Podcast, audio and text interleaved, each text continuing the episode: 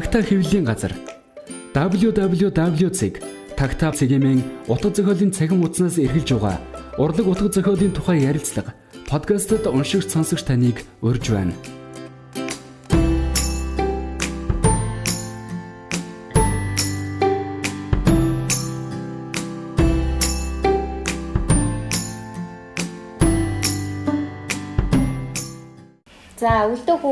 Подкастын маань өнөөдрийн зочноор манай шинэ үеийн уран зохиолын тий ялангуяа яруу найрагч хүмүүсээ бол нэлээ ойр дотны нөхөр танил танил яруу найрагч Ороолынгийн элбэг төгс одоо бидний найз Ороолынгийн элбэг төгс оролцож байгаа. Би нөгөө цувралаар ерөөхдөө ингээд бас өөрөө үе үе тэнгийн уран бүтээлчдийг гэдэг юм уу хүмүүст илүү ойр танилцуулахыг хүсэж байгаа юм. Тэгээ би бас анх төлөвлөгтөө бас элбэг төгсөйг танилцуулна даа гэж бодож исэн. Яг таньдаг хүрээндээ бол надад надад танилцуулсан танилцуулаагүй бүгд мэдж байгаа шүү дээ элбэг төгсөйг ямар хоо яруу найрагч ямар хоо уран бүтээлч вэ гэдгийг.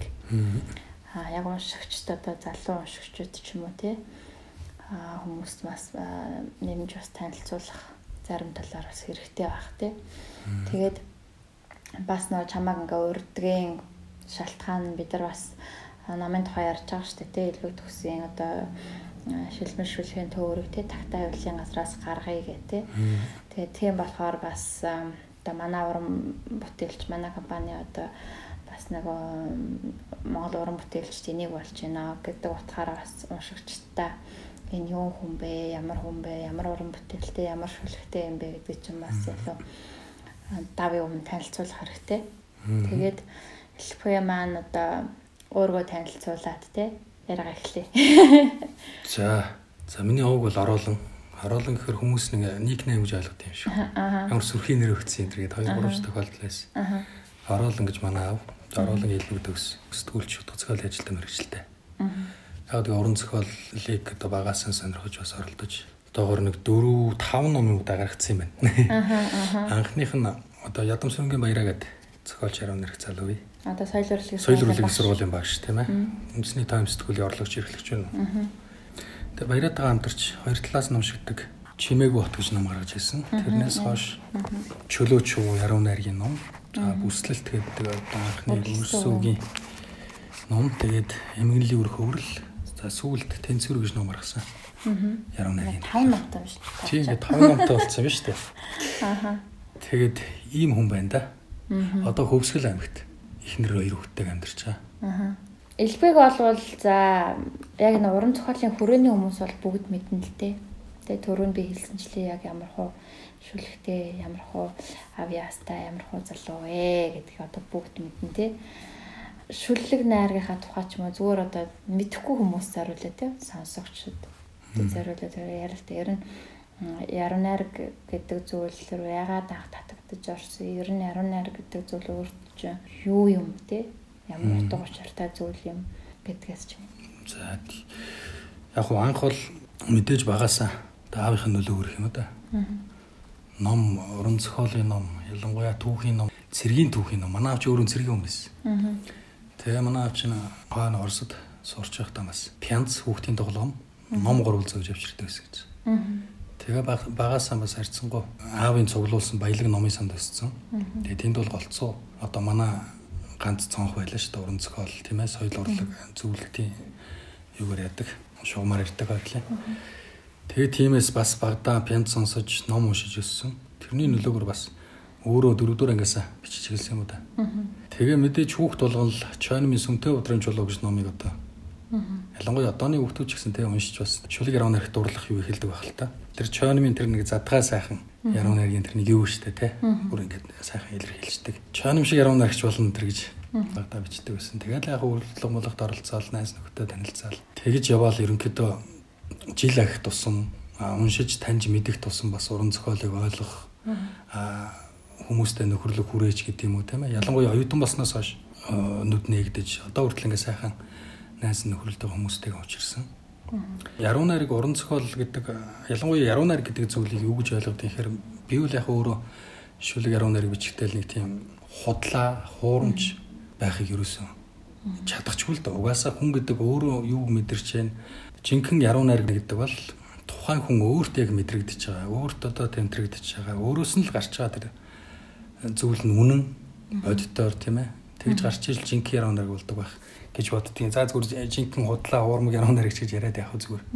Тийм тийм учраас бас одоо юу гэдэг мэдэхгүй чадахгүй юм аа бич биш яг л өөрт дотор байгаа зүйлээ хэл гаргаж яруу найргаар илэрхийлэх зорддог мэдрэмжүүдийг юм да.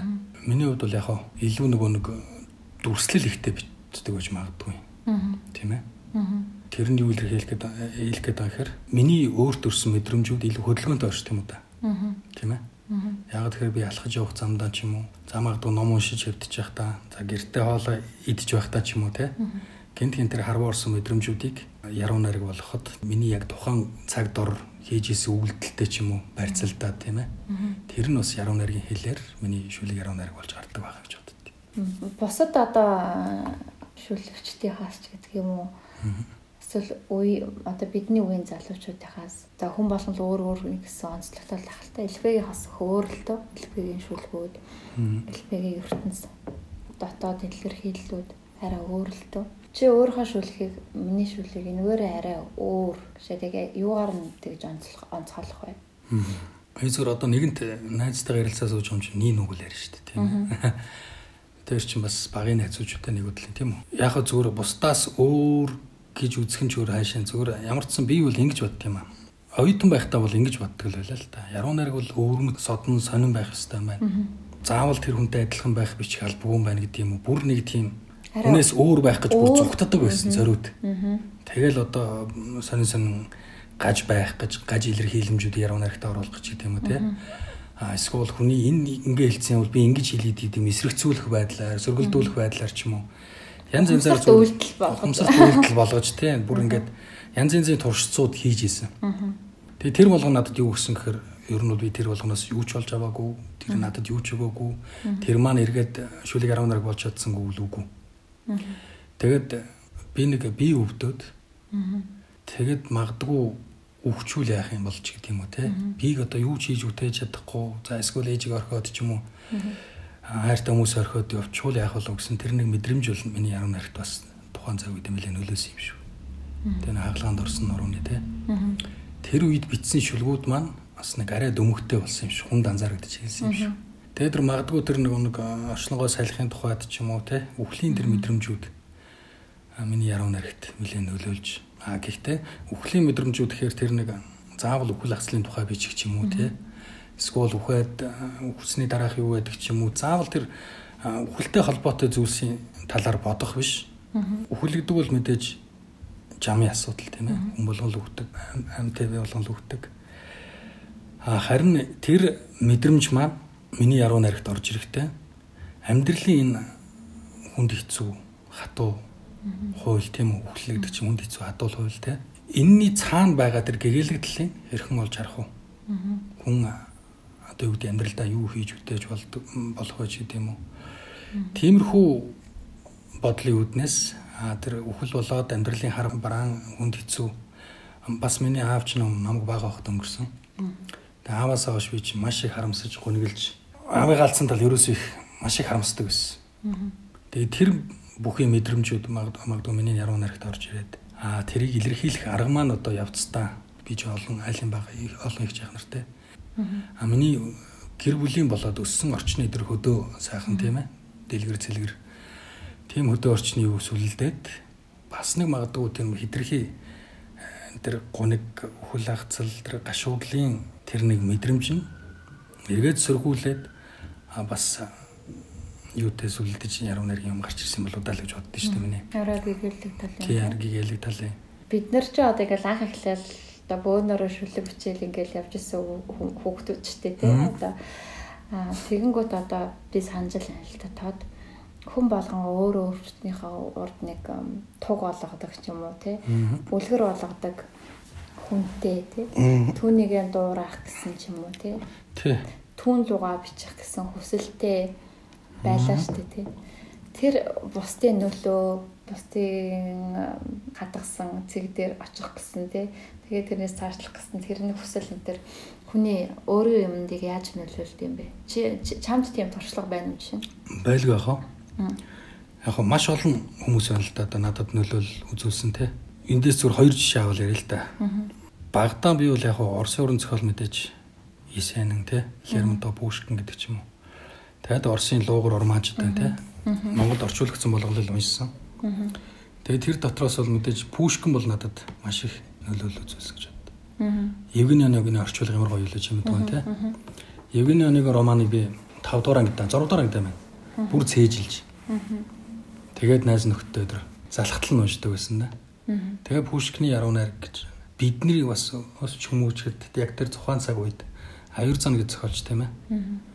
Бас нэг хар ном цуврал тийм ээ. Цувралууд гарч тэр номнуудыг уншиж бас уран зохиолын арай өөр талыг олж харсан. Арай өөр өнцгөр уран зохиолыг сонирхож эхэлсэн. Аа тэгж явхад бас Баатрин галсан сүх гэж яруу найр гэж тийм ээ. Галсаахын шүлгүүд бол яалтч хүн надад нөлөөлж аа бас ингэж бичиж болдгийм байна гэдэг тийм сэтэл урам зориг өгч юм уу. Галсаахын шүлгүүдийг их уншиж энэ төвшөнд бичдэг болох юм ч гэдэг юм уу. Галсаахыг бол их яадаг байсан.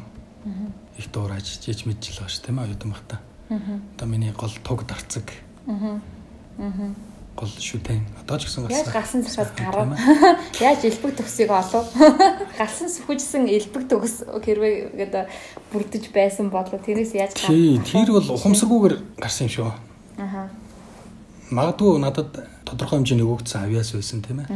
Тийм учраас илүү уншиж судлаад гэх юм уу ертөнцийг таниад тийм ээ.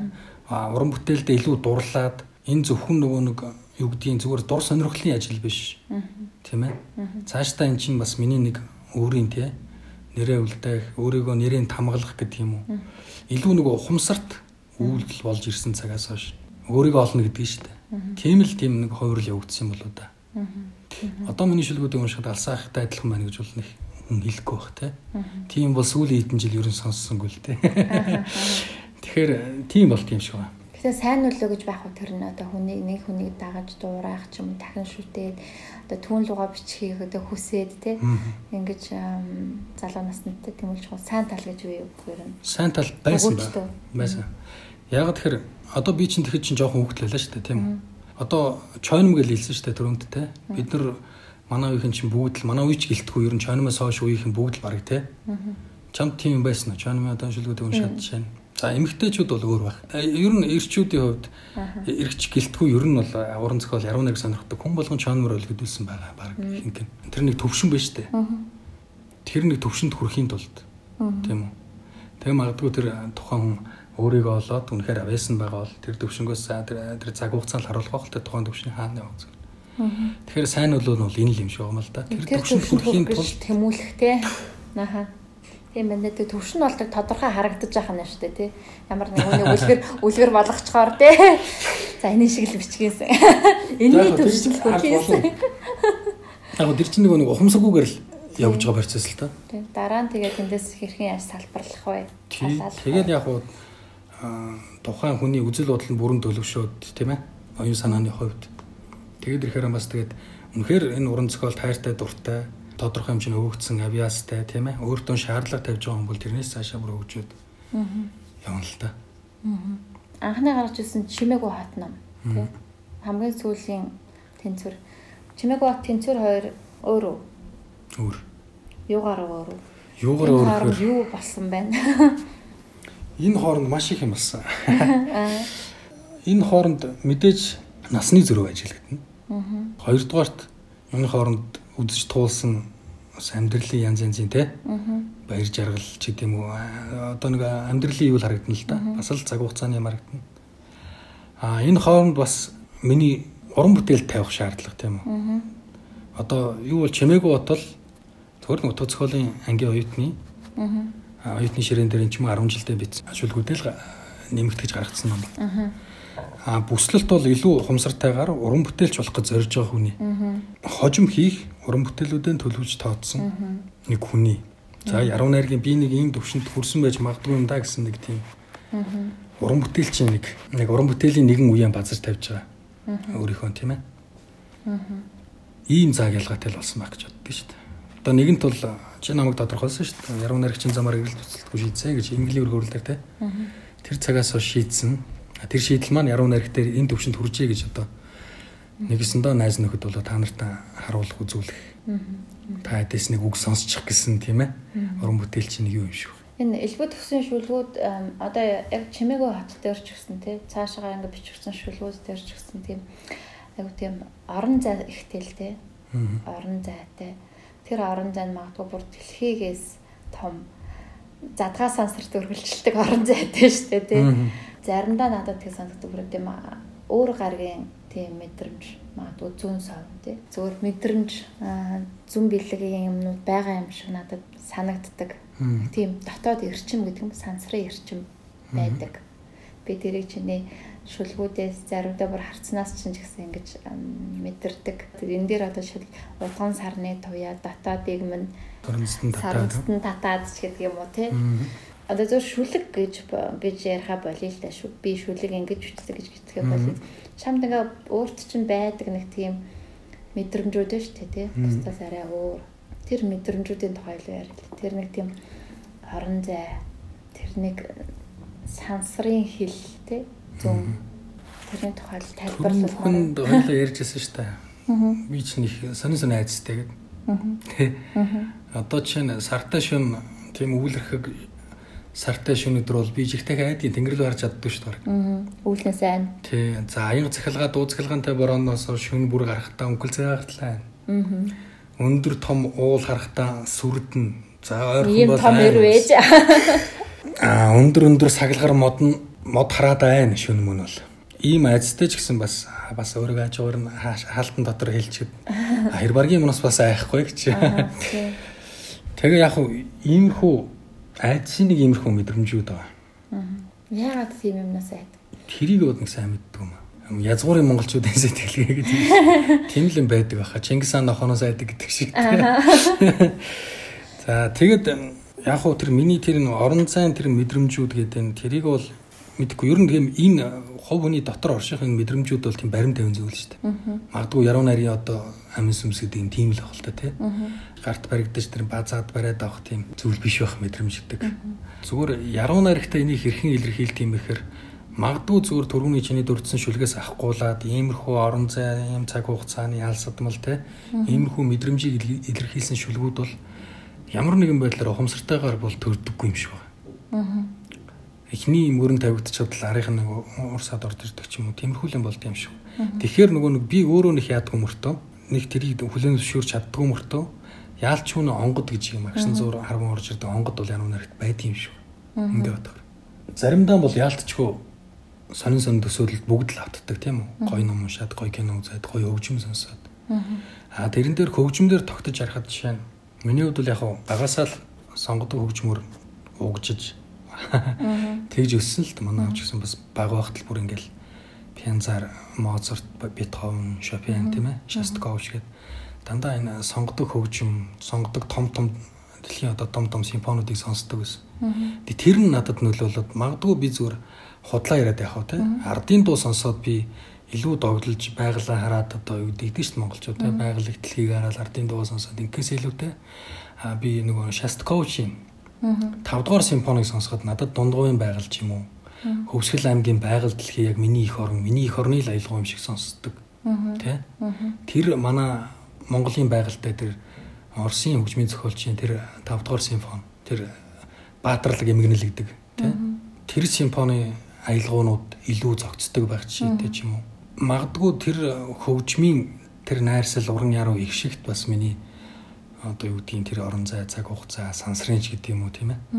Аа иймэрхүү мэдрэмжийн тэр юунууд тэр нотнууд дээр бас бөмбөрч миний тархитлагаад орж ирж тийм ээ цаасан дээр буусан. Би бас яг сая тэгээ чамаг ярьсан чи яг надад яг тэг төсөөлөж чинь л чи сонгодог хөгжимч өөрөө их том дотроо тийм там агаартай айс аав штэ тий. Тэгээд яг тэр тэндээс орж ирсэн мэдрэмжүүд юм байна да гэж би яг бодлоо л да. Тий. Би ч яах вэ? Монгол гэхээр Монгол дуу хөгжим, уран зохиол, яруу найр гэхээс илүүтэй. Аа.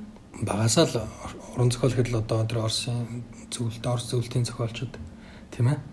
Аа тухайн үед яад байсан геотэй ч гэдэм үү, шийллэр шийлээ те.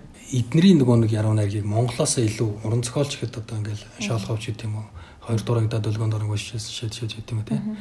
Сингийн эрдэнэгөөдөө тэр 8 дугаар ангидаа танилцчихсан жишээтэй ч юм уу те бүр цаг дөрийн өмнө нэг бүр 10 дугаар ангид уншиж ирсэн ч гэдэг юм уу. А тэрнээс өмнө бол дандаа одоо Диккенсийн Oliver Twist тий Дэвид Копперфилд эдрийг уншицсан байх жишээтэй 2 3 дугаар ангидаа л. Ингээ бодохоор ерөөсөө миний тэр нэг сэтгэлгээнд байдаг нэг юм нь Монгол гэхээс илүүтэй. Нөгөө гадаад уран бүтээлчдийн юугаар л явцсан юм шиг. Тийм учраас миний бичиж байгаа шүлгүүд хөдөө амьдарч ээж одоо нуур бан шүлгүүд гэдэг шүү дээ. Тийм бичлээч гэдэг юм уу. Дунд говьд одоо хөвсгөлд амьдарч ээж нэг юм хотын шүлэг бичлээ гэдэрсэн тийм хүмүүс байдаг л да. Яагаад ингэ бичээд байдгийг ч гэдэм үү. Бүр намайг бүр натур нь тийм байна. Аа угаасаа натур нь тийм. Намайг яа тийм бол албаар зориуд бүр ингэж бичээд байдаг. гэдэг юм шиг бол үгүй юм шиг байна л да. Тэр нэг өөрт нэг байдаг юм шиг тэр нэг унган багасаа Тэрүүд ус бол амар сайн хөгжим сонсогч тий хөгжмийн бол одоо маш сайн одоо сонсогч гэх юм уу тий. Тэгэхээр одоо хоёлоо хөгжмийн дараа яг дараа яриа л да. Хоёлоо яг ингээд сонсогчдод яг бид нар юун ямар шүлэг юуны тухай яриад байгаа гэдгийг жоохон тодорхой ярихын тулд ядаж эхний шүлгийн төврөөсөө чи нэг шүлэг надад уншиж өгөөч тий. Чимээгөө хот чи хэдэн онд гарлаа? Чимээгөө 2008 онд 8 онд гарсан бид нар одоо оюутны 4 дугаар курст ах гарсан биш үү тий. Тэгэхээр энэ бол одоо энэ хүний анхны шүлгийн төгөр яг оюутан байхдаа бичиж юу бичиж байсан юм тий. Тэр нь шүү дээ тий. Том үлсэмт мөрөөдлөн тэсэр том хотод мөрөөрөө амьдрнам. Том готлнууд жижиг готлнуудыг гიშгэлэх тоост годомжинд жирийн гутал алхнам. Том дэнлүүмэд дотроосоо гэрэлцээр том хотод дороосоо жинднам том нүднүүд жижиг нүднүүдийг хилаах тойрог годомжнаа жирийн нүд далдирнам том одод мэд хүсэлтэн шатсаар том хотод хинж бишэн ухаарнам том шүднүүд жижиг шүднүүдийг хэмлэх тоосгон годомжинд жирийн шүд ярилцсан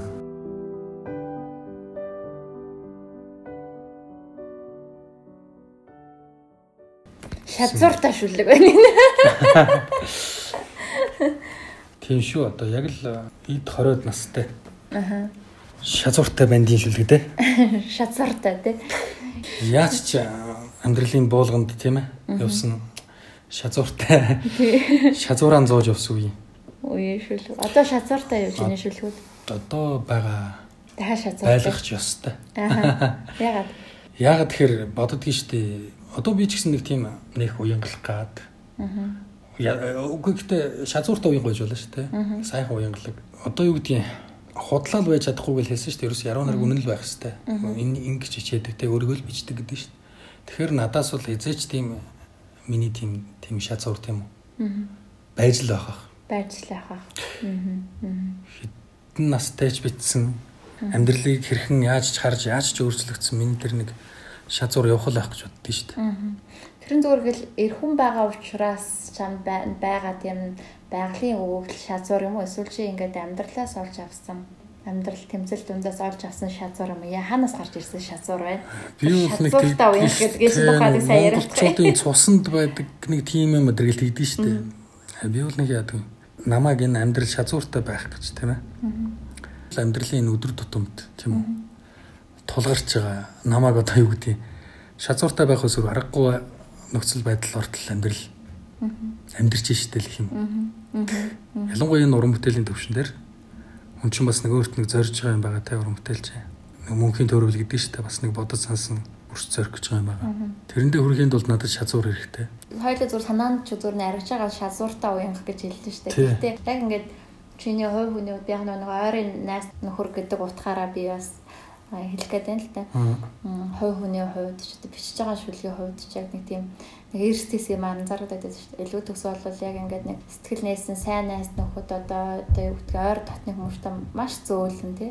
Магадгүй намхан тэмээ шиг ноолуулаад байхаар тийм зөөлөн хүн.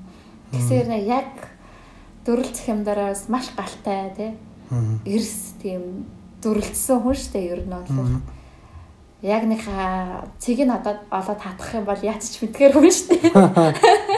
Тэгээ энэ болохоор яг ингээд тийм амар хүн үү те. Шүлгэнд чи явж идэг те. Тий. Чи тэгээд шүлэг шүлгийн тухай ярил л да. Гэхдээ тэгэл эн чин нөгөө нэг шазууртаа уянх гэдэг яруу наргийн төрөл чанар. Би энийг шүлэг уншил та. За. Эмгэнлийн өөргөө өөрлөг намаас унших чинь энэ хизээ гарсан ном бэ? Энэ нь 2012 онд гарсан ном. Тий. Миний редакторлсан ном. Хэлсэн Батсуурын баясгалан редакторлсан ном.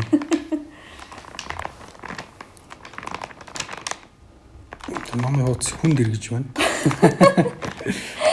За наад намын чинь тий усанд н оргоц юм аа. Тэгээ шар шар гэж эргээд байна.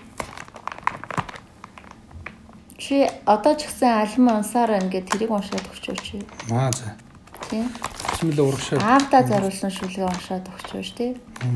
Тэгээ тэгвэл одоо ястаа жигнэго шазууртай уянг нь харагдах гэдэг. Тэр бас энэ шазууртай уянгийн ярианаар тий. Шазууртай уянг. За тий. Одоо ч гэсэн цүнхнээс тань алим унсаар байна. Авдан зориулаа гэж. Амьдралд бүх зүйл өөрчлөгдөж ээж минь нөтөлсөн. Амгалан инээмсэглэх таны зурагтай үргэлж ярилцдаг. Хин нэгний зохиосон хувь тавилангаар замнаагүй хүүн. Хил зургасан бүхэн тань үнэн байсан гэж хэлж чадахгүй. Алхам тутам тулгарах худал хуурмаг бүхнээс зүгтах гэсэн. Аргаан барсан хүсэл минь амиа хорлох өчүүхэн оролдлого. Гэвч би танд бас ээжтэй гэрэл гэгээ ертөнцид хайртай гар минь вис хатгаад л үнийг ухаарсан яг л гэгэрэл шиг. Одоо ч гэсэн зүнхнээс тань алим унсаар л байна. Олон олон алимнууд дундаас би амьдралын гүн ухааныг өөртөө нээсэн. Амьдрал игээл алим шиг харахад сайхан хазгал амттай аман торох өчүүхэн хасыг алиулах залгихыг хичээ. Таны алхдаг гудамж таны ажлын газар танил найзууд танихын аргагүй их өөрчлөгдсөн олонний хөлд ирсэн орон гэрийн босхийг л та таних байх танаас хойш орж гардаг хүмүүс ховордсон бороо орхон цөөрсөн. Зүүдэг занга өмсдөг малгай зарим нэг хуучин цамц. Зүүд дарагдаг дээлтэн дэрэн дотор минь одоо ч би дуу хоолойг тань мартахгүй гэсэн айдас эзэмтгэд дуу зохиож таны хоолоогоор дуулаад өрн тайвширна. Одоо ч гэсэн зүнхнээс тань алим унсаар байна. Олон олон алимнууд дундаас би амьдралын ухааныг өөртөө нээсэн. Амьдралыгээл алим шиг харахад сайхан хацгал дамттай аман торох өчүүхэн халсыг альвалах залхихыг хичээ. Тий. Нүсний шазууртай уянга юм яваад байна тий. Аман сар өчөөхөн хальсыг аль болох залихыг хичээгээ тий. Шазууртай уянга гэдэг байгаа шүү дээ тий. За тийм төрөл. Элбэг төгс өөрөө одоо бас одоо жишээл Дональд Дак гэж шүлгнээс тий. Одоо тэр бол одоо яг ингээд зураглал нь одоо юу хэмтэй нэг тийм хөдөг суурьнд те одоо нэг элбэг төгс гэдэг одоо яг юм цонхтой хөгжим сонсдог, яруу найраг Led Zeppelin сонсдог.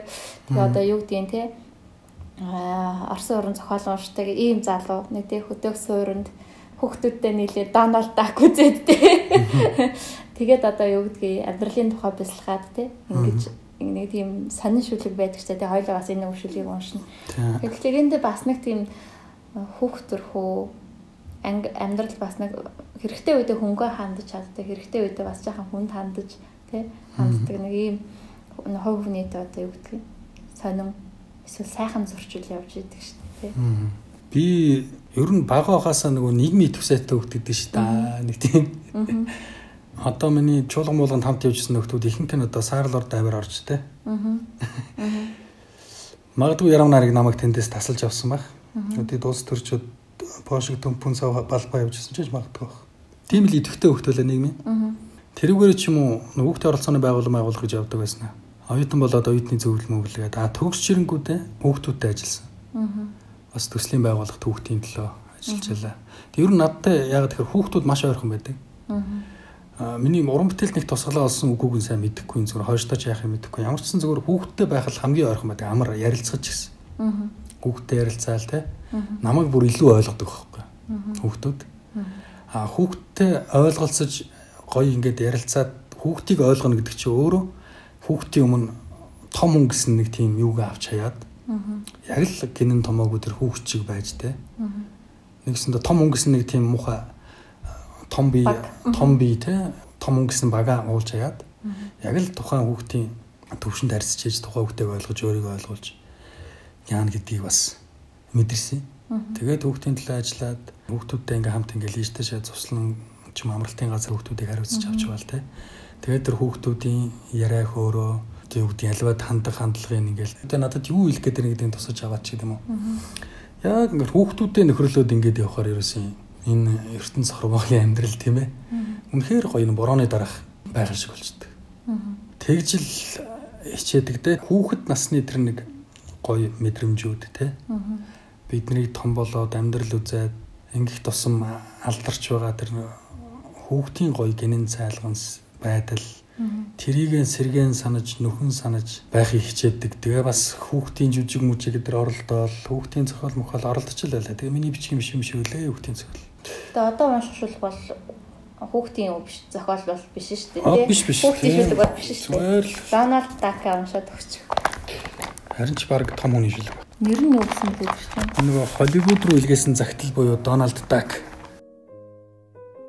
Энд олон хүмүүс цуглаад нэгнийхээ мөг үзэх гэж хар цагаан хил амаар булдагч. Энд ихнэрүүд нөхрийнхөө огог савыг нь бэлдэж орны хөлд тавьдагч.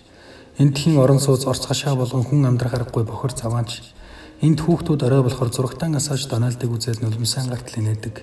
Энд бас сэрэг хүн байна гэд хүүхнүүд нь хөвөнтөө өмд өмсдөгч.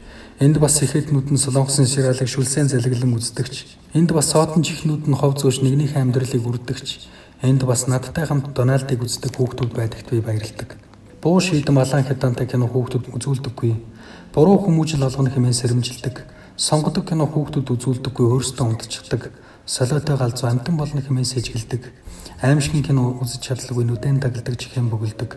Аймхаа бол нараатан болно гэд хүүхдүүдтэй үзүүлдэггүй. Гэхдээ хүүхдүүд Дональдд гайртай Дональдыг үздэг. Дональд буу барьж банк дээр мэддэг муу залуу. Дональд уйлж баярлаж уурлаж уцаарладаг амьд зураг. Дональд аймаар араа шүттэй араат нь сүг зураг шөнөөр гэдэгч. Дональд инээ төрөмөр ирэх дуутай бас игдүү хөрмөр майгалхаатай. Хүүхдүүд Дональдын зурагтай богц ажиллаж маш томор үлээгээд хүсэл мөрөөдөлд хүргэх нисдэг бөмбөлөг гэдэгт итгэдэг. Хүүхдүүд Дональдын хөрөгтэй цам цомсгтон аз жаргалтай болдог.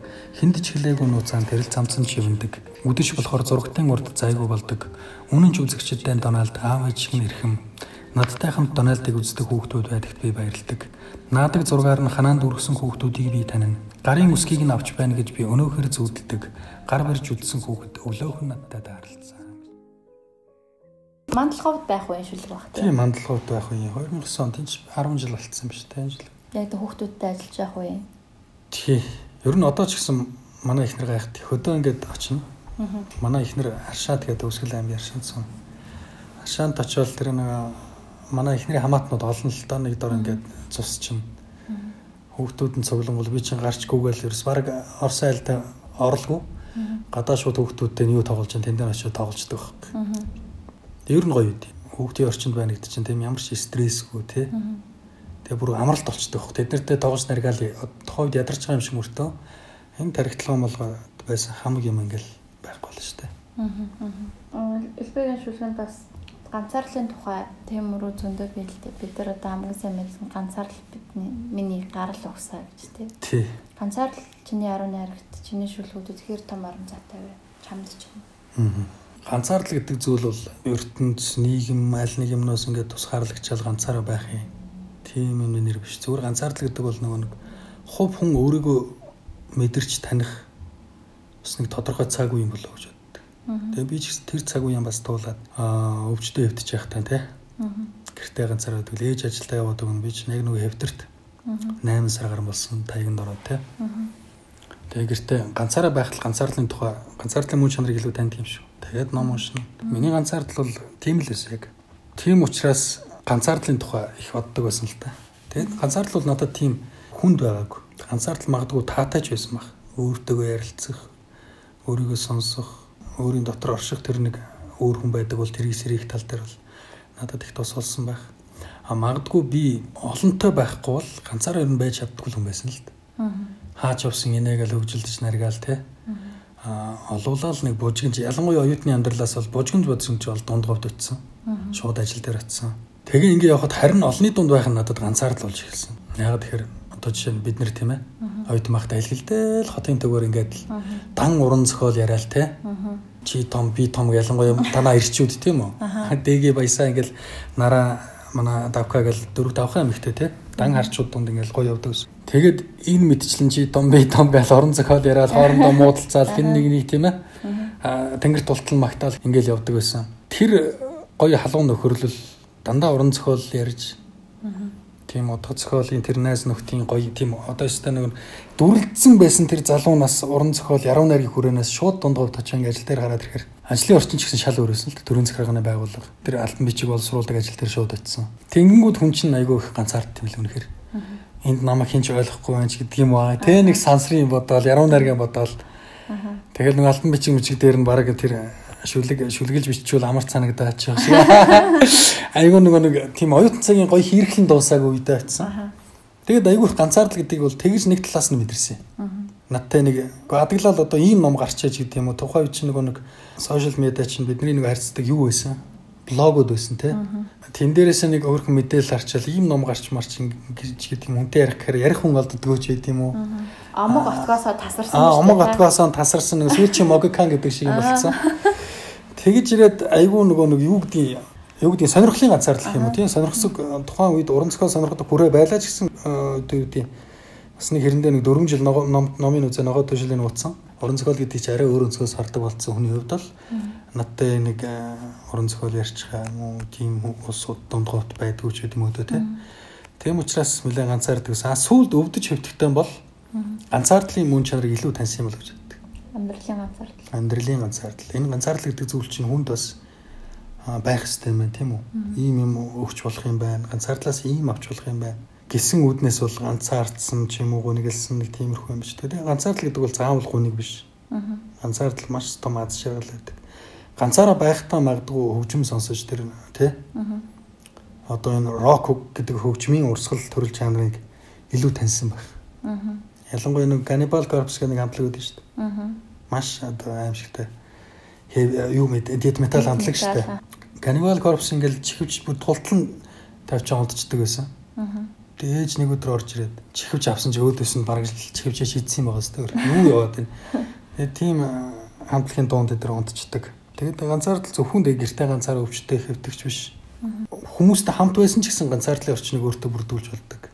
Нэгсэндээ өөрөө нөгөө нэг эргчлөг тийм үү? Өөрийгөө тойроос эргчлөө орон зайгаа бүрдүүлж. А тэрэндээ өөрийгөө анзаардуулж байгаа мэтэр төсөөлж. А тэр болгондоо бас яруу найрагт юм бичгтэй ч юм уу тэр мэдрэмжүүдээ идэр хуваалцсан. Юмнууд бол нэлээд байгаа л. Тэмнэлийн өөр хөврөл гэдэг энэ ном нэрнээс ахуулаад сонин те. Тий. Яагаад ингэж нэрлсэн? Энэ маш энгийн штэ. Тэр нөгөө нэг нийс шиг ном байдаг штэ. Эмгэлч үжиг үүслгээд. Тийм. Энэ манай баяраа битээр ярьж хаад би ихтэй яг нэг эмгэнэлтэй холбоотой ямар нэгэн эмгэнэлч гэдэг юм уу нэр өгчийгээл бодоод явж хаад нэг өдөр баяраатаа уцаар ярьдаг л уулзлуу яа нэг санахгүй. Тэр өдөр яаж байгаа ч ил хоёулаа нэг тийм аюул одоо нэг философи философи ярьсан да базраа. Тэгээ нийшиг энэ номын талаар ярьж хаад миний чи ингээ орчуулчих бол ямар байсан юм. Тэгээ би тэгсэн байхгүй. Мөлийн өрх хөрөл гэж орчуулсан гоё штэ. Эмгэнэлч үжиг төрсөн юм уу те тэгж орчуулсан байдаг хаа те Монголоос. Тэгэнгүүт нь эмгэнэлч үжиг гэлтгүй зүгээр яг нэг эмгэнэлийн үр хөврөл гэдэг өөр хэлсэн жил баяраал өлгөж авал манай баяраа чинь тийм сонор штэ юм те. Хүш яг тэгээд яаж аач гэл усчаач гэл. Эмгэнэлийн үр хөврөл гээл. Тэгээд харин номын нэрээ олоод тэгж л гаргасан юм да тийм баяраа битэрэл их хадаггүй хорвоо ертөнцийн хамаг сонинг хамгаж авч ярьдаг нэг тэр юунаас үүдэж гарсан нэр байхгүй юм чи. За тэгээ энэ дэр нэг ганцаардлагын шүлэг уншиж байгаа дөрөвний. Өнөд ганцаар даяанчлан хэсвхий. Өвлийн амьсгал мэд сэрүүхэн амьдрал. Хувьсан өөрчлөгдөх цагийн ирэхээр хуучны дурсамжууд цантан бүдгэрнэ. Гарал угсаамын сармагчнаас үүдэлтэй. Гашуун үнэнтэй хизээч эвлэрэхгүй. Ганцаардл цогролын алин боловч гаргасан уран амгаланд дооцно. Ууршин хороодох залуунасаа уушин газар замбраагүй үрж уцаар гомдлын хүнд мөчүүдэд ухаач хүгсийг сонсохыг хүссэнгүй. Ховирч илэгдсэн чулуун замаар хувцас дүүрэн гүнэгтэй алхахад хормостын дорх гүнэгчлэгчийг хурын усч тоож норгохгүй. Үнэт ганцаар даяанчлан хэсгүй. Өргөст мод шиг ширүүн амьдрал гадаад ертөнцийн хамаарал бүхнээс ганцаардл миний гарал өгсөө хойлоо нөгөө хөгжмийн тухай яраар эргээд орё л доо. Би бол би бол маш сайн тэгээс нэлээд одоо өргөн хүрээнд хөгжим сонсдог мэдхий. Тэгээ түрүүн битээр сонгодог хөгжим сонсдог гэдгсэн шүү дээ. Аа өглөө байна гэд.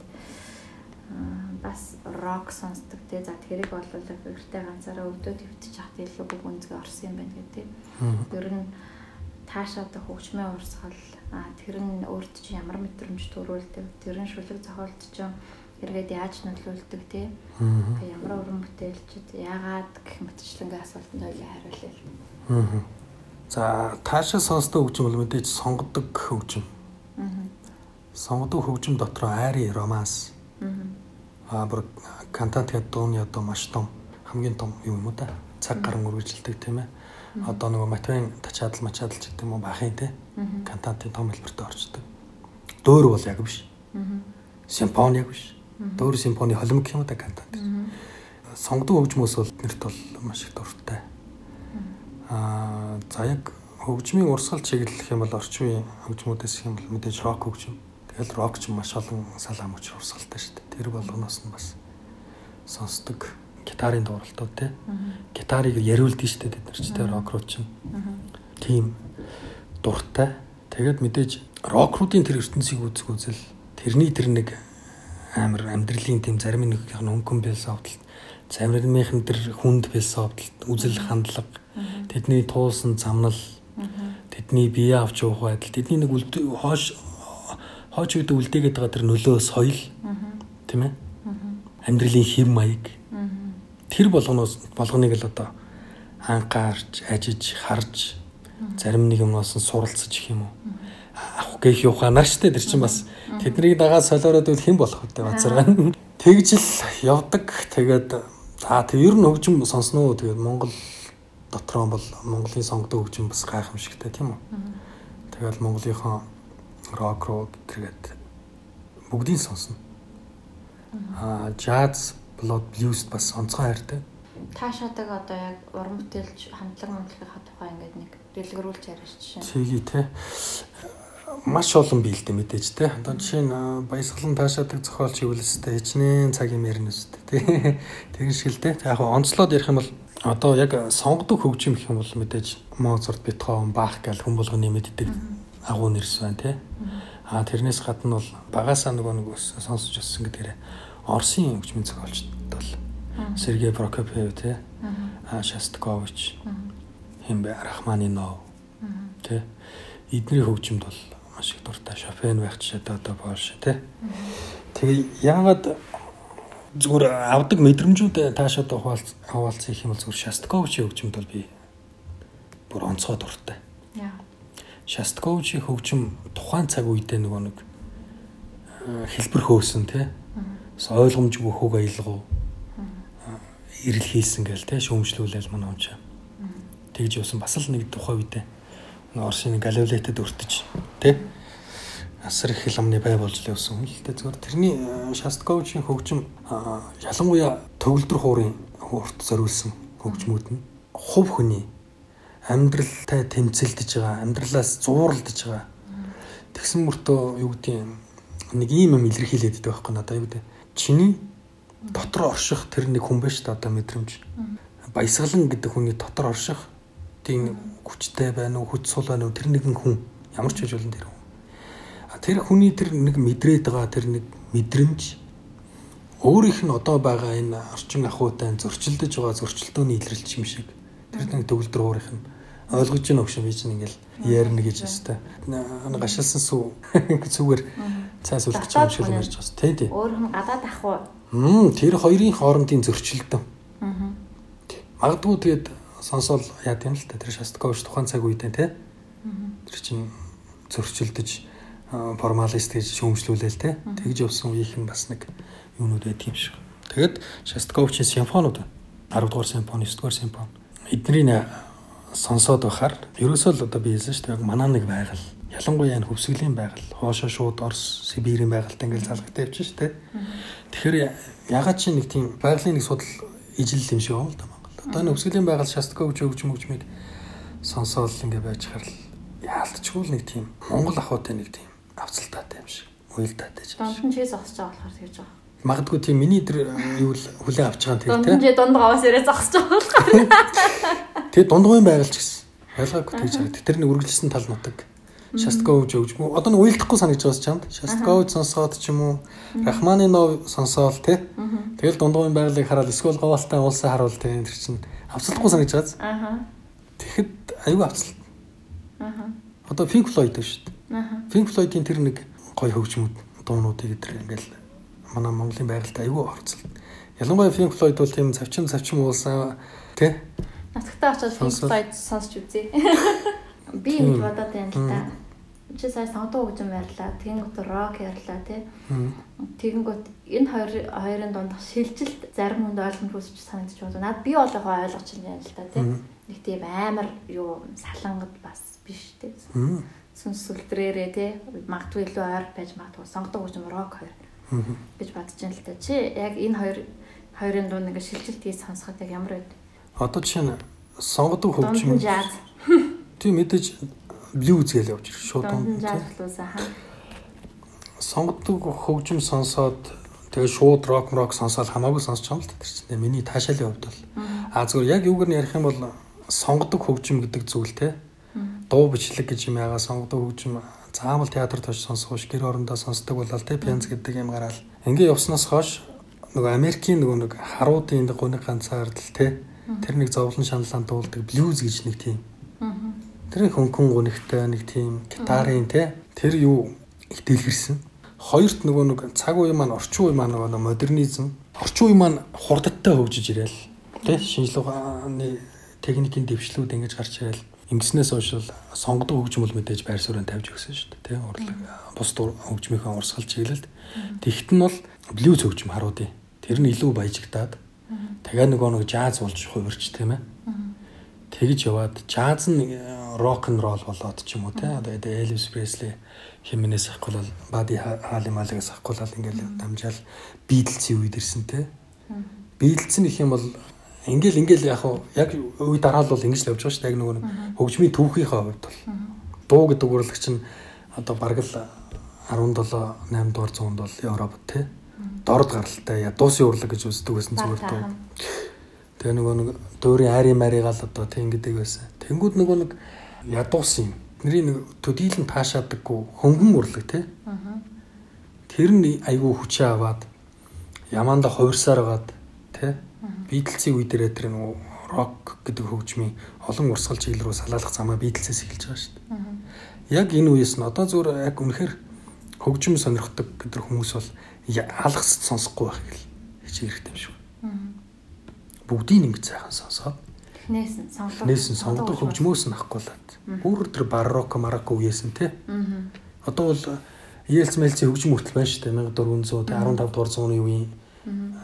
Тэрийг заавал нэг шашны хөгжим гэдэг утгаар нь биш. Сүмийн л юу гэдэг чил өнөөгийн сонгодог хөгжмөөс өөр шүү дээ. Сүмийн тийм. Тэгэд ингэж сонсох нь зүйтэй юм шиг. Тэг үе шат дараалан. Нэгэнт одоо юм сонирхож л байгаа бол түүхийн судлаад сонирхоод те. А бүтээгч тэр хүмүүсийн тухай мэдээд те. Тэгж явах хэрэгтэй юм шиг. Тэгээд ингэж судлаад сонгодог хөгжим тэрнээс салаалал блюз, жаз, рок н рол. тэгээд рок н рол, тэгээ рок, хард рок н тэгэл ингээд хэрхэн салаалсан одоо ч бүр ингээд скандинави огруу чинь симфоник симфоника метал ч гэдэг юм уу те. Ингээд ингээл готик метал ч гэдэг юм уу энэ хүртэл ямар зам туулсан гэдгийг бүгдийг нь одоо сонсоход бол одоо энэ интернетийн сошиал орчин ч юм бол бүгд нээлттэй байгаа шүү дээ те.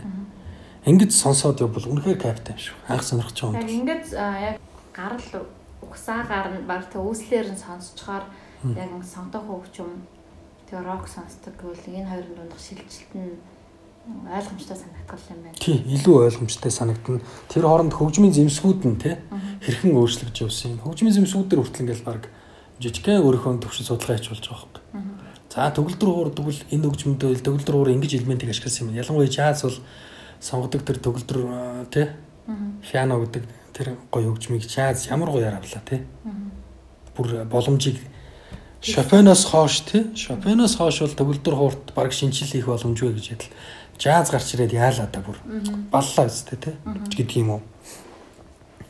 Тэгээд тэр үлээвэр хөгжмүүд гэдэг чи одоо нөө бишгүр мишгүрээс л гарч ирсэн хөгжим шүү дээ. Илүү тэрний дуурлтыг аа, юу болгож те? Бүдүүн баргил болгож гарч ирсэн. Тэгэл гитар байна. Тэг банжо гэж хөгжмөөс ягаал. Банжо бол ардын хөгжим дооцсын хөгжмөл гэдэг бас. Тэг гитар болоод ч юм уу. Гитар ч бүр юуны бас дундад зууны арай хожуу үед гарсан нэг хөгжим юм ч уу тэгээд гитар гэдэг хөгжим бас хит рок хөгжим хичнээн гоё юугаар авав цахилгаанч болголоо дууралтын те ч гэдэг юм уу. Ингээл нөгөө нэг хөгжмийн зохиолч болоод тухайн үед дурсан хөгжмийн бүтээлүүд а дээр нь хөгжмийн нөгөө нэг зэмсгүүд. Тэгээд цаг үетэй нэг бол байхаар эн чинь бүр айгүй сонирхолтой бол болж гэл. Одоо энэ жил одоо жишээлбэл манай монголчуудын өв сонин жил болж штэ тий. Одоо хүү гэдэг, дэ хүү гэдэг хамтлаг олон улсад захиур хаглал Монголын тий хүннүү рок гэдэг жанр гарч ирэл тий. Одоо яг тэр бол зайхаа хүннүү хамтлаг ганцаар гаргацсан юм шиг одоо өөр Монголч ч юм уу Монголч анханасаа байсан алтан ургас ч юм уу Нисэн эрднэс ч юм уу тий. Угтаа ийм жанр угаасаа ингээ яваадсэн. Тэрний одоо нэг цахвар хагалж гарч ирж байгаа нь хүү байна л да. Тэгээ би нөгөө нэг дэхүү гэдэг хамтлагийг ингээд бодохдоо чи хөгжим сонсдог хүн бас юу гэж бодож байгаа надад хэлж өгөөрэй энэ айгуу тийм инновац хийжээ гэж тий. За яг хоо юу вэ юу вэ юу вэ гэж хэлэх эсвэл одоо юу гэдгийг тэр мэр бол яг хоо гадаадуудад тий ингээд хэл аялгаад одоо нийцүүлээд нэг тийм хөө анхаарлын татах хэлэхэд амархан байх талаас нь тэр гэж илүү монголчуудад биш гадаадад зориулж өг мөгийг хийсэн л байх л та. А гэтээ яг юун дээр инновац гарсан гэхэлэр тэр морин хуурыг тэр харагдах байдлын хувьд ч рок болгож тий. Эсвэл нөгөө нэг яг энэ морин хуурж одоо гэрт акустик нь бол гэртэл дуурдаг хөгжим дээ тий. Энэ бол өтөөхөө уламжлалаараа тэрийг бүр ингээд том 50 мянган хүн, 70 мянган хүн, 80 мянган хүнтэй стадион дуурах хэмжээний болгож тий. Цаглагаан цаглагаан болгож тий. Одоо юу гэдгийг магадгүй олон энэ навац тийм шингээсэн байх гэж би бодоод байгаа судалгаа тэр морин хуур цахилгаан хөгжим болгож залгаад яг морин хуур шиг дуурах дуураад стадион стадион дүүрэн гэж цуураалахад одоо ямар нэгэн байдлаар акустикийн одоо чавцны тий цар дээр тий бүх юмн дээр ингэж инновац хийсэн байх. Шинэ юм хийсэн байх. Морин хуурыг цахилгаанжуулж яах гэдэг чинь тийм. Шинэ юм хийсэн байх. Царын ямар байх уу тийм. Гэх мэтчлэн ингээд юм хийсэн байх шүү дээ. Тэгээ би магадгүй дөрөв нэг үндэсний хөгжмөөр хийсэн инновац нь илүү одоо би зүгээр хөгжим хажуунаас нь харж байгаа сонирхогчийн хувьд ингэж таашааж тийм эднэр ийм зүйл хийлээ. Магадгүй одоо өвөр Монголын хамтлагууд шүү дээ. Хангаа хамтлаг, Эсээ Эрдэнэ хамтлаг тэр нь одоо манай Алтан урмуур бид нэр ингээд өмнө нь хийж байсан зүйл ажиллах үргэлжлэх. Чи одоо жишээлбэл хөгжим сонсдог хүн, рок сонсдог хүн, сонгодог хөгжим сонсдог хүн одоо энэ хүн рок, дэхүү тий энэ энэ талаар чи ямар сэтгэлдэлтэй байгаа вэ ерөөхдөө? Миний айгүй баяртай байна шүү дээ. Бас энэ Монгол залуучууд гараад ингээд дэлхийд тий ингээ гараад мэдээж яг юм хийж яах гэдэг чинь сайн муу шүүмжил дагуулж таараа. Тэр бадралахын битсэн өдрөө өдрөө бол бас зөвлөлтөө. Тэр чинь бас рок гэдэг чинь өөрийн соёлтой юу те тэ. Тэгэд тэгээ хүүг бол яалтчгүй би хүннүр рок одоо тэрийг хаашаа хэдэн жилийн дараа хүннүр рок гэж урсгалыг яг альбисоор те тэмдэглэж аваад одоо утсан дээр дуу суулуулаа ч гэсэн те хүннүр рок гэдэг альбисны нэршил мэржил ороод ирэх юм болоо. Категориор те. Миний хувьд л юу хараад байгаа гэхээр хүү бол ялчгүй рок юм их таамаглах юм. Яг тэгэхээр алтуур гигдэр бол яг цэвэр рок гэхгүй шүү дээ этник гэдэг гэж явна тийм үү. Яагаад тэгэхээр гитар гэдэг рокийн одоо сүлд болсон тэр хөгжмийн зэмсэг а Монголын ардын хөгжмөнтэй орж ирэхээр ялчгүй рок гэдэг юу руу орчиж байгаа. Юу тэр гитарын дууралд орж ирэхээр. Нэгдүгürt хоёрдугаар дэлхийн нөгөө нэг дуулах хурлагийн техник тийм үү. Тэрэн дээр одоо одоо бол мэдээж Италийн нөгөө нэг Венецийн нөгөө нэг сонгодог хоолой гэдэг чинь оо гэнэ дөри тэр байгаа юм манай уртын доо Монголын те энэ хоёр танигц. Тэгэнгүүт Монголын нөгөө нэг хөөми те гэдэг зүйл рок хөгжим рүү орж ирээд энэ дээр бас нөгөө рокийн нөгөө нэг метал тийм үү хамтлагуудын нэг яг хоолойгоо шахаж ингэ дуулдаг те. А ACDC-гийн нэг арга барил байна тэр чинь хэдэд арга барилтай тэгээ нөгөө нэг дэт металлуудын те Cannibal Corpse хамтлагийн ч юм уу эн чинь бас өөрөө хоолойны нөгөө нэг техник техникээр дуулдаг те тэрэн шиг хөөми хархираа тийм үү. Эднэр бас нэг рок хөгжмийн үнд дуулалтын арга техник болоод орж ирж байна одоо гэж харж байна. Тэгээд тэр нь илүү хүмүүст яаж байгаа юм байна. Яг нөгөө нэг дит металлуудын юу бодох юм бол тийм амар хүнд сонсдохгүй гэдэг байхгүй. Тийм. А сонсоход тэгсэн мөртөө нэг тийм сонсголонтой. Тэгсэн мөртөө тэр хаард байна уу те бас нэг хүнд нэг хүнд сонсдвол бас хүн сонссон тэр чинь харих чинь те.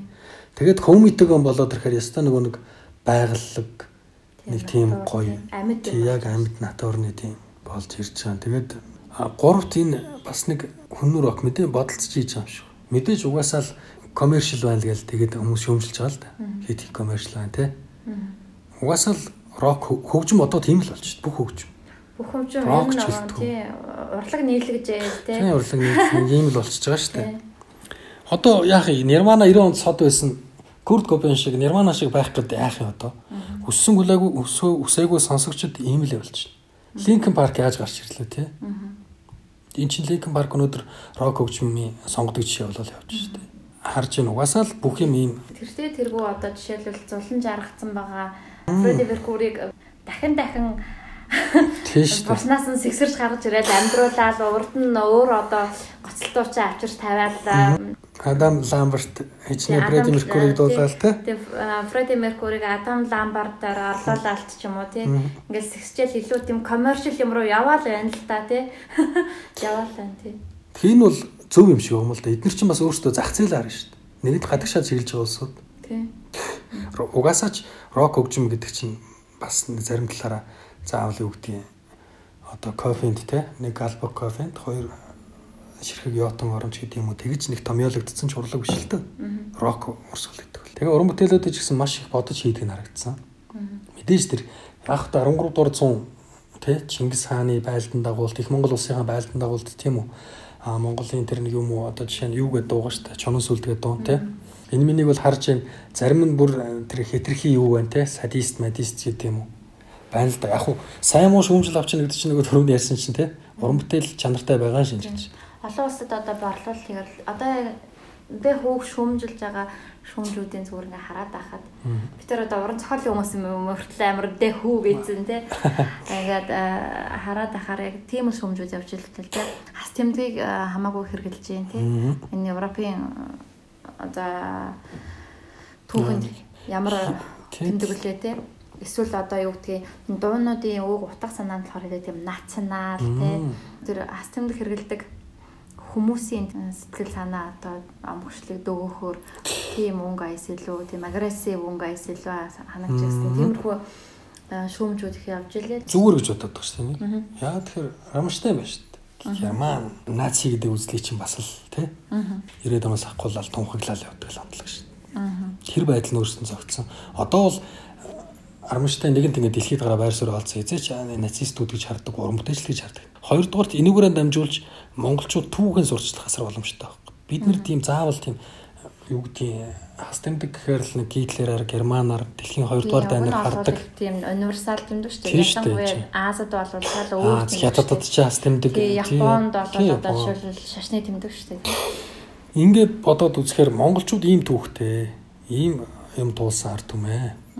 Тэ? Бас бидний нэг түүхийг л өгүүлж байгаа ч гэдэм үү. Ийм л зүйл шүү дээ. Тийм учраас энэ тэр үг утга санааны хувьд ч тийм үү бас байх ёстой л гэж боддоо шүү дээ. Болж байна. Энийг харин эергээр харуултлаа уран бүтээлээрээ л батлах ёстой. Дахиж одоо эднэрт бол одоо муу уран бүтээл, сул уран бүтээл хийх юм байхгүй шүү дээ. Сайн нэг EP цомог нь гарсан байх те юу гэдэг.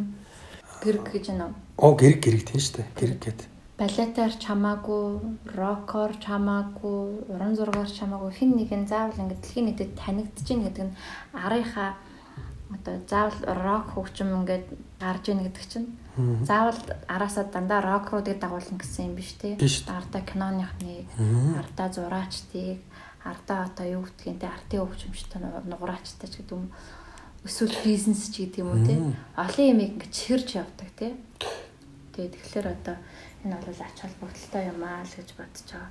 Одоо ингээд хүчтэй гүрнүүд Америк ч гэдэг юм уу, за Европын орнууд, Хятад, Япон, Солонгос гэх мэтчлэн эдийн засгийн хувьд нэгэн тогтцсон хүчтэй гүрнүүд урлаг соёлоо болохоор бусад оронд нөлөөлөхтэй соёлоо түгэх зөөлөн хүчний бодлого болгож ашиглаад сул дараа манифт нь болохоор тий эдийн засгийн хувьд штэ. Сул дараа манифт нь болохоор өөрсдийгөө сурталчлах ядаж тий бусдад одоо нөлөөлөх хүч нөлөөгөө тогтоох гэхээс илүү ядаж сурталчлах өөртөө таниулах арга хэрэгсэл болж ашигладаг л та.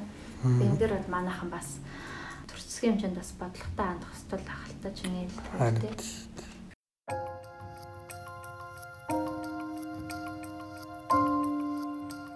Номыг овоолж байгаад шатаахаас ч илүү долоондор нүгэл бий. Уншихгүй байх нь тэр нүглүүдийн нэг нь.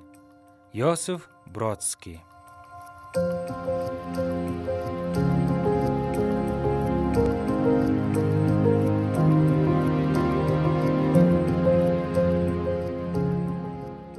Одоо бид дөнгөж ингээ 30 гарч штэ тий. Дөнгөж гэж ярьж байна. Дөнгөж 30 гарч байна. Тийм шүү дээ. Дөнгөж л 30 гарч байна. 20 хэдтэй элбэг төгсгийн цээжинд одоо юу гэдэг тий. Эзэлж байсан яруу найргийн одоо орон зай 30 наснд жаахан зайгаа өөр юмд тавьж өгөх ч юм уу юм болч ийн эсвэл яг л тэр хэвээрээ байна уу? Ингээд байна гэж. Яруу найраг бол яг хаа тодорхой хэмжээнд нэлээд хэдэн жил биччихлээ тий. Тэнгүүд бас нөгөө одоо нэгэн тал энэ замаас эргэлт буцалтгүй тий. Зохиолч яруу найрагч болъё А өөрийн гэсэн харсан бас нэг өндөрлөг байгаа шүү дээ. Тэнд хурж хийсэн ч юм уу те. Хүн болгон тийм амбиц. Тийшээ ингээ зорихын тулд яг хуу яруу найраг бол би тэгж бодоод байгаа л та. Яруу найраг бол одоо ингээ бичээд байвал энэ төвшөнд ингээ бичээл байна л та. Одоо нэг хүмүүс нэг өөрийгөө сорилж үзнэ гэж тэгдэг шүү дээ. За тэгвэл сорих нь хаашаа. Ямар ч гэсэн би бол бич үүрэгтэй юм байна. Тийм учраас зөвхөн яруу найраг гэж өөрийгөө хязгаарлахгүй. Бас өргөжсүүгийн зохиол. Тэгээ өргөжсүү гэдэг бол яруу найрагаас бол хайх ондоо зүйл юм байл л та тий. Тэр одоо залуу насны урлал болж таарсан уу яруу найраг эсвэл чамтай одоо ингээ явах уу цааш явна явна яруу найргийг л хийж хаяхгүй юм шүү маа а гэхдээ бас нэг юм бодол байгаад байгаа би яруу найргийн одоо бичлээ гэд энэ төвшнгөөс тийм олон төвшин ахиж бол чадахгүй байх гэж а харин үргэлжсүүгийн хувьд бол тийм яруу найргийн төвшөөс хэд хэдэн шат урагшаа ахиж чадах боломж нь надад харагдаад байна тийм учраас үргэлжсүүг бичнээл гэж зоригшуул утсан шүү дээ Тэр яруу найрагт тийм төвшин гэж юм байт юм уу? би өөрийнхөө төвшин ярьж байна. Чи чиний харин чам ч гэсэн гэж байна. Бага бага. Байлг байх. Одоо эдгээр ном харьцуулахаар миний төвшин харагдаад байна. Аа. Шат. Аа. Одоо өөрийгөө дандаа өсөж гин гэж хэлэхгүй. Уруудсан ч юу юм надаа. Аа. Тайсны уран бүтээл ялангуяа жүжигэн зохиолууд бичдэг тий. За кино бас биччихсэн туршлагатай. Одоо удахгүй бас улсын драмын эрдмийн театрт нэг жүжигэн тавигдах гэж байгаа тий. 9 сард юм уу шүү дээ. Жүжигэн зохиолын тухай ойлоо яриа та тийм. Аа. Яг яруу найргаас ч юм уу эсвэл зөв хөрөнгөл зохиолоос яг юугаараа онцлог чамаг яг жүжигэн зохиол юугаараа татаад байна тийм. Жүжигэн зохиол мэдээж Шекспир гэдэг зохиолч тий. Оюнгуй чимдүү орчуулгаар уншаал. Дэлхийн одоо хамгийн сор жүжигүүд тий. Гамлет, Лерван, Отилло гэл. Одоо юу гэдгийг жүжигийн зохиол гэдэг зүйлд анх танилцсад л Шекспирээс Чеховын цахлаа гээл тий. Намдуггай Монголоос үт юм уу? ой дуугаа те далуудалж мэдлжгээл танилцсан. Тэр жүжигийн зохиол юм байна гэдэг багын тийм төсөөл байсан. А хоёрдугаар өөрөө жүжиг гэдэг маань уран зохиолын төрөл зүйлийнхээ хувьд а мөн бас тайзны урлагийн дамгийн анхны хэлбэр дээ тийм ээ тайзны урлагийн дуур юунесээ өмнө. Э, ингээд бодохоор одоо яруу найраг болоод уран зохиолын бус төрөл зүйлүүдээс юм бол хамгийн нөгөө биетэй урлагна гэж ойлгодог л дээ. Яг тэр нөгөө тайзан дээр тухайн жүжигийн зохиолыг хүн яг ном болоо ороход нь уншдаг ч гэсэн тайзан дээр биежиж тавигдаад тухайн жүжигчин болоод найруулагчийн санаагаар зохиолчийн санаа нь илүү баяжигдаж хүнд бас нь магадгүй зүгээр яруу найргаасаа илүү далайцтай тийм үү. Хүний оюун санаанд өгөх зүйл одоо гэдэг хүний ухамсарт нь а яруу нарыг л оюун санааны төвшөнд бол хүнд ч өөхийг таавшгүй хаамшд урлаг тийм ээ. Тэгж боддог жүжигийг бол жүжигийн зохиол яг бүр тоороо банд гэдэг тийм дуул жүжиг гэх юм уу да. 8 дугаар ангида биччихсэн. За. Тоороо банд гэдэг одоо бүр ингээд 8 дугаар ангида бичээд 9 10 дугаар ангида бараг дуусчаад Дашним гэдэг хөгжмийн зохиолч Дундгой аймагт амьдарч байсан соёлын л та. Дашнимгоо хийнэ гэд манай аав ээж найз л та. Ая хийж ингээд Сүхбаатар аймагт тоглуулнаа хоёлаа ингээд. Тэгж л анх зүгээр биччихсэн л та. Тоороо бандын нөгөө нэг дуунууд болоод Шарманы гүнэгт дууж гэдэг юм уу тоороо бандын дуу муу гэл ардын дуунууд шүү дээ даргангаар тий. Тэгээд тоороо бандын хүүхд түүхэн дээр яаж тэ ардын дуунууд маягтай тэгж одоо нөгөө нэг диалогуудын шүлгэлж тэгж Тэгээ яг багаас нь тэгж жүжиг бичих гэж тэр оролдож исэн орлогууд бий л те. Оюутан бахтаа бас нэг шүлгэлсэн бичээл яадаг ч лээ те. Тэгэл явж исэн л та. Аа тэгээ сүүлийн үед бол илүү уран бүтээлч юм чинь өнөөгийнхөө их орон улс их орныхоо амьдрал тийм үү энэ нөхцөл байдлыг тусгасан бас нэг хүмүүст нэг өөрийн хов зохиолчийн нэг нэг үүднээс одоо үзэгчдэд юу ойлгуулах гэж хэдэм үү тэр талаар бас жүжигүүд бичээсэн гэдэг ноё эдийн чин бичлээ а тэг драмын театр тавьчих жүжиг хувьд бол яг хаа драмын залуучууд нийлж залуу нариулагч залуу жүжигийн зохиолч тэгээ залуучууд оролцож юм нэг уран бүтээл тавья. Дараа мөрийн санда нэг дан залуучууд дээр хийдэг юм. Одоо нэгэсэндээ үе үедээ ингээ залуучуудаараа шигшигдэж баяжигдэж явна шүү дээ альва нэг театр юу чинь. Тэгвэл нөгөө залуучуудаа босго тавьдаг нэг тийм жүжигтэй бол яг зорьсон мэл. Тэгээд бас драмын театрын залуучууд өөрсдөө санал санаачлах гаргаж сэдв юу ярилцж тийм жүжиг үз тэрний хувьд бол а зөвхөн өөрийн яг жүжигийн зохиол уран бүтээл чи хувьд бол бас эдит тийм хийж байна бас. Аа зарим нэг аймгийн театруудад бас ганц нэг жүжиг өгсөн хүүхдийн жүжигч бичсэн бас. Чи тийм үү. Тэгээд надад жүжиг бичих юу сонирхолтой байдгийг хэр заахад жүжигт үл хөдлөл гарна. Гэхдээ илүү найруулагчийн тавилтаар тэр нь шийдэгддэг учраас аа үйл явдал биш нэг диалогуудаараа. Тухайн дөрүүдийн харилцан яриагаар тийм ээ. Үзэгчдэд өгөх гэсэн санал санаа. Тэрийг гаргаж ирнэ гэдэг нэгэнт сэтгэлгээний л урлаг юм л та тий. Манай тэгээд одоо яг театр урлаг тий. Кино урлаг. Тэгэл ингээл ярахаар зохиолч байхгүй, зохиолч дутмаг байна. Кино зохиол бичдэг хүн алга, жүжиг хүчдэг хүн алга галдаг ш тий. Эсвэргээр яг зохиолчдтой ингээл ярихаар оо кино ингээд яг өөрөө өөрөө ингээд бичээд тий ингээд гэхэлэр одоо бичүүлдэггүй тий продюсер ингээд санаа хэлж өгчөөд тий чи энийг ингээд зүгээр одоо цаасан дээр буулгадах ч гэдэг юм ийм байдлаар ханддаг тий тэгэхээр яг тэр зохиолч хүнийг ирж олсны хэрэг гаргадаггүй тий хэн нэгэн жүжигчний ч юм уу найруулагч нь продюсерын санааг зүгээр цааснаар буулгаж өгөх хүн болгож ашиглалтад байдаг тий гэдэл ярьдаг дээ тий нэг талаас жүжигэн зохиол бичих кино зохиол хүн байхгүй нэг нөгөө талаас намайг бичүүлэхгүй байна гэдэг тийм өөрсдийн хамиг тулгаад байна гэдэг тийм чамд ямар зовлон тулгарч байна? Яг наад хоёр чинь. Хоёлаа тулгарч ирсэн. Яа тэгэхээр энэ дээр нэг тийм ангал үүсч тийм шүү бол хоёр ир дээр л зогсч тийм шүү зохиолчулаад тухайн найруулагч ч юм уу киночд нь тийм үү? Тэгээд киночд нэг ийм шаардлага тавьдаг тийм нэг санаа хэлдэг. Нэг иймэрхүү санаа тийм хийж мээр байна гэж Тэгээ зохиолч тэрийг барьж авч бичдэг. Тэр нь асрах өөрчлөлт ороо зохиолчийн чимгүү болдог тий. А эсвэл зохиолчийн бичсэн кино зохиол шүү дээ. Яг зохиолч өөрөө ингээ яг бүр санаа сэтгэлийг гаргаад ингээл 100 бичээ өгсөн кино зохиол өнгүүд нөгөө нэг найруулагч нь чинь төвчнөр ундаг ч юм уу тэр нь. Тухайн найруулагчид боломжгүй санагддаг ихтэй ч юм уу. Нэг юм зөрчилдөг. Кино уран бүтээлчд манай зохиолчдын үзэл хандлага юм байх шүү. Манай киночдын хувьд бол үнэхээр дандаа нэг тийм хуулбар маягаар франчайз биш шүү шууд холбор маягаар явчих гээд. Одоо юу гэдэг ийм кино байна. Иймэрхүү юм. Аа нэг иймэрхүү юм хий нэг клип харчаалсан. Энэ энийг л хусчмаар байна гэдэг. Харин нөгөө талд нь хувь зохиолч гэдэг бол бас нэг харьцангуй тийм ээ. Тэр чинь уран бүтээлч хандлагаас нандаад байна шүү дээ. Ийм байлгая гэд. Ингээ ийм санаа хэлье. Ингээд тэр талаас л ийм зөрчил үүсдэг юм шүү.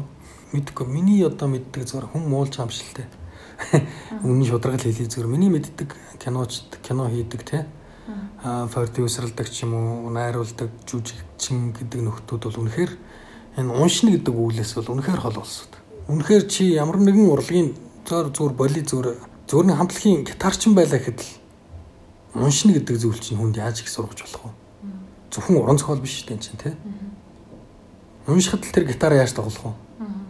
Queen хамтлагийн гитарчин чинь юу штэ физикийн инженер өмстэй те. Тэрний гитарын тоглолт ямар үдэг лээ. Ингээ бодохоор манай энэ кино уран бүтээлчд бас уншаад те. Ямиг нэг улс ууртай судлаад өөртөө дотоод ертөнцийг дотоод ертөнцийг тэлээд нээгээд те. За үнэхээр хүнтэй уулзаж уулзраад манай чинь бол одоо л шал өөр болчлаа ш залуучууд те үнэхээр гоё болж шít. Тэн залуучуудтай уулзаад уулзраад Ингээ бол бас шал өөр байх байхаа л гэж боддоо шүү дээ. Тэгэхгүй тэр Холливуд гэж тэр агуу том ертөнц тэр бизнесийн те. Тэр зарчмаар эндээ нэг хитгэн цөөхөн хідүүлэхнэ ажиллах гал зүтгээд идэг. Холливуд гэдэг чинь өөрийн орц нормтой, өөрсдийн ертөнцтэй те. Дэлхийд одоо давмгаалцсан тэр том зах зээл бизнесийн те. Тэрнийг энэ жижигхэн 3 сая хүнтэй Монголд тэр ингэж хийх гэж ядаад л. А тэр Холливуудын стандарт гэж нэг юм яриад зүтгээд идэг Тэр нь эргээд ирэхээр бидний хувьд яаж ундав хийц хэлбэр хийц мөнгө төгрөгч гэдэг юм уу? Тэгвэл бид нар энийг юугаараа даван тулах хэрэгтэй гэхээр л оюун санаа энэ юу гарч болох вэ биднээс ч гэдэг юм уу? Тэгж л явж яах юм шиг жинхэнэ уран бүтээл төрүүлэх юм шиг байна л да кино бүтээх үйл явц ч юм уу тий. Хин мөнгө гаргаж जैन тий? Тэр хөгжмөө захиалах байдаг тий. Баг жүжигчт нь мөнгөө гаргаад найруулагчаа хүслөөд тий. Одоо кино компани кино продюсинг гэдэг ийм баг тий байхаа болоод их захаа алдчихаар мөнгөө төлсөн хөгжмөө захиалах гад ингээд байдаг тий тэгэхээр хөгжмөө захиалахдаа өөрсдийнхөө л нэг тийм харж байгаа өнцөг тий нэг тийм юмар. Өөрсдийнхөө юмыг тулгын шаардаад итгэл тий Эн чинь бас цаана нөгөө нэг үн цэний гэж юм яваа гурлагийн. Эн чинь бас үзэгчд гэж юм байгаа тийм хүмүүсийг хүндлэх. Нэг тийм юмгүй хит их бизнес гэж хараад дайрчдаг. Мэдээж кино бол хамгийн одоо юу гэдгийг массыг хамарсан хамгийн том бизнес үнэн л.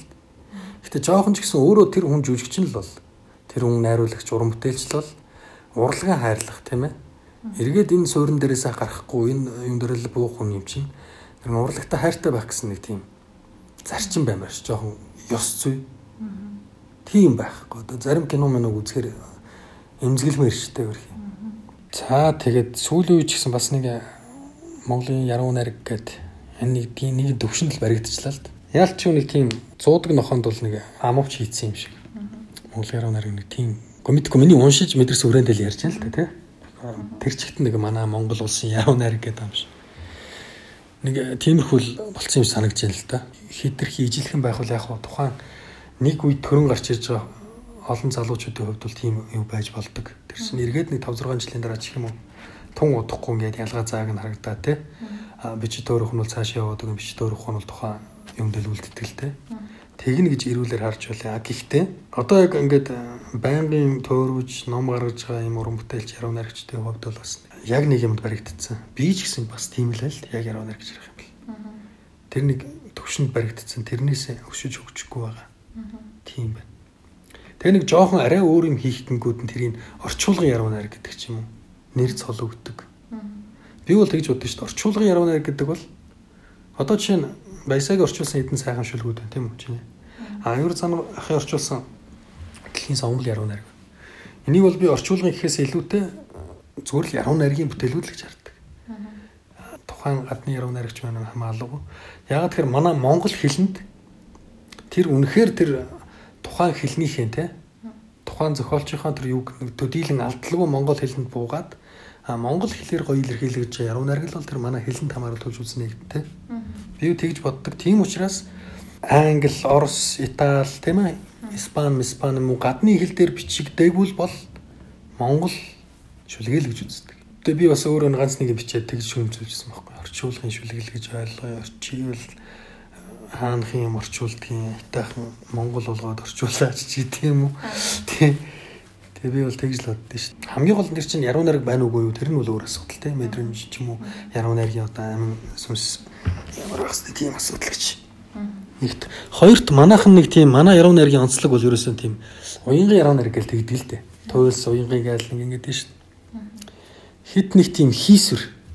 За бүр нэг хийсвэрлж болно шүү дээ. За хийсвэрлэхэд нөгөө нэг илүү нөгөө дээд төвшөнд яригдах тийм үү зарим нэг. Тэгтээ тэрийг бол ямар нэгэн дах авцалдаа санаа юунд барих гад байхааргүй бүр нэг тийм хит задгаа дэмирлж хэрм хийсвэрлүүд их байгаад байгаа шүү. Тэгэхээр надад ямар шүлэг яруу найраг таалагдах гэдэг нь тэгэхээр одоо бол ерөөсөө илэрхийлэмж тухайн зохиолчийн өөрийнх нь яруу найрагчийн өөрийнх нь илэрхийлсэн санаа одоо ерөөсөө л уран зохиол тийм болцсон юм шиг байна миний хувьд л. Өөрийгөө л илэрхийлэх. Тэгэхгүй бид нар чинь нэг тийм Монгол яруу найраг ийм л байх хэрэгтэй гэдэг нь хоёр айс аваад үзчихдэг. Монгол шүлэг биш. Тэгэхгүй л Монгол шүлэг гээл. Данзангийн нэм сургуугийг дуурайж бичсэн Монгол болчдөг. Дан өөрийнхөө толгоогоор юу хамаагүй бичээ явсан тэгээд одоо харийн амтанд дуураас орчуулга яруу найрагч болчдөг ч юм уу. Ингэж авч үзээд байгаа л надад айгүй хэцүү санагддаг юм чинь. Тэгээд олон залуучууд тэрнээс болж ингээл хэлүүлээл те.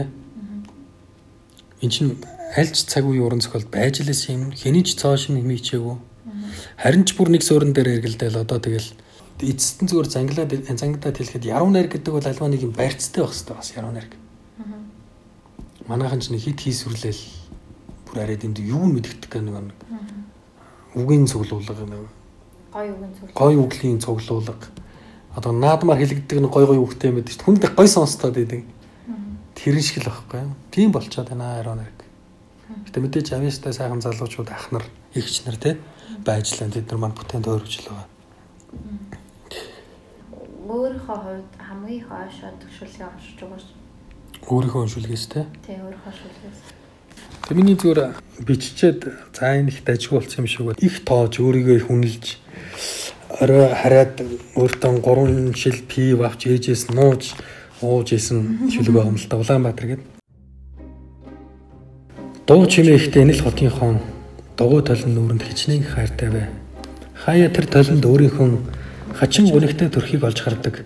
Цоочтой хаалга нээлттэй цонх бүрээс нь цочих хайх төгших мэдрэмжийн сэргэн сандаг. Улаанбаатар бол ууж агсмсан нэр улс төр ярьж хямдхан янжуурынхаа удаан цаанаас харагдах байсан хороолын давчуухан уушны газар. Улаанбаатар бол орцны дуу сонсож онгоцны үйлчлэгч болон хэмээн мөрөөдөж өссөн охтын богино манцлын гормоод наалдсан бох. Улаанбаатар бол мөсөн уул мөргөн аажмаар живж буй асар том хөлөг онгоцны аврах жижигхэн завин дээр сууж ирээдүйн талаар төсөөллөгүй гагцгүй ами гарахын хүсэлтэд автсан сахалтай бяцхан жаал. Улаанбаатар бол өвгөн нисгч нь бүхээгэндээ цус арган талиж өрөвдөлтөй зарчигчд нь өндөндөө тавихтаа хэрхэн уул мөргөн дэлбэрч хідэн амьд гарахаан таамаглан суух иргэний нисгийн хугацаанд олсон онгоц. Улаанбаатар бол Тамиран тасардал хашгираад чинч ол сонсохгүй их өссөн зүлийн дунд дөрж халуун наранд ухаан балардан хааш зүглэхээ мэдхэ байсан жуулчны мөрөвдөлтөй амьдралын хорон бүрийг гэрчлэх өврийн дэвтрээс нь тасарч унсан цаас. Заримдаа Улаанбаатар дайны талбар мэт эмх зэгцгүй. Шарх тагсд нь байшин хашааны нөмөр бараадан дэрийн хөвдөж тэнгэрээс гинэт бурхны гар сарван аягтаа ус төхүүлхийг хүлээн суух залхуучуудын бүхэл бүтэн армийг бие дэрэн дэжэгч нүсэр том хаалс. Дуу чимээх тэнэл хотынхоо дугуй талын дүүрэн хичнээн хайртай бай. Хаяа тэр талын дөөрийнхөө хачин гүнэгтэй зүрхийг олж хардаг. Цоочтой хаалга нээлттэй цонх бүрээс нь цочих хайх төгших мэдрэмжийн сэргэн сандаа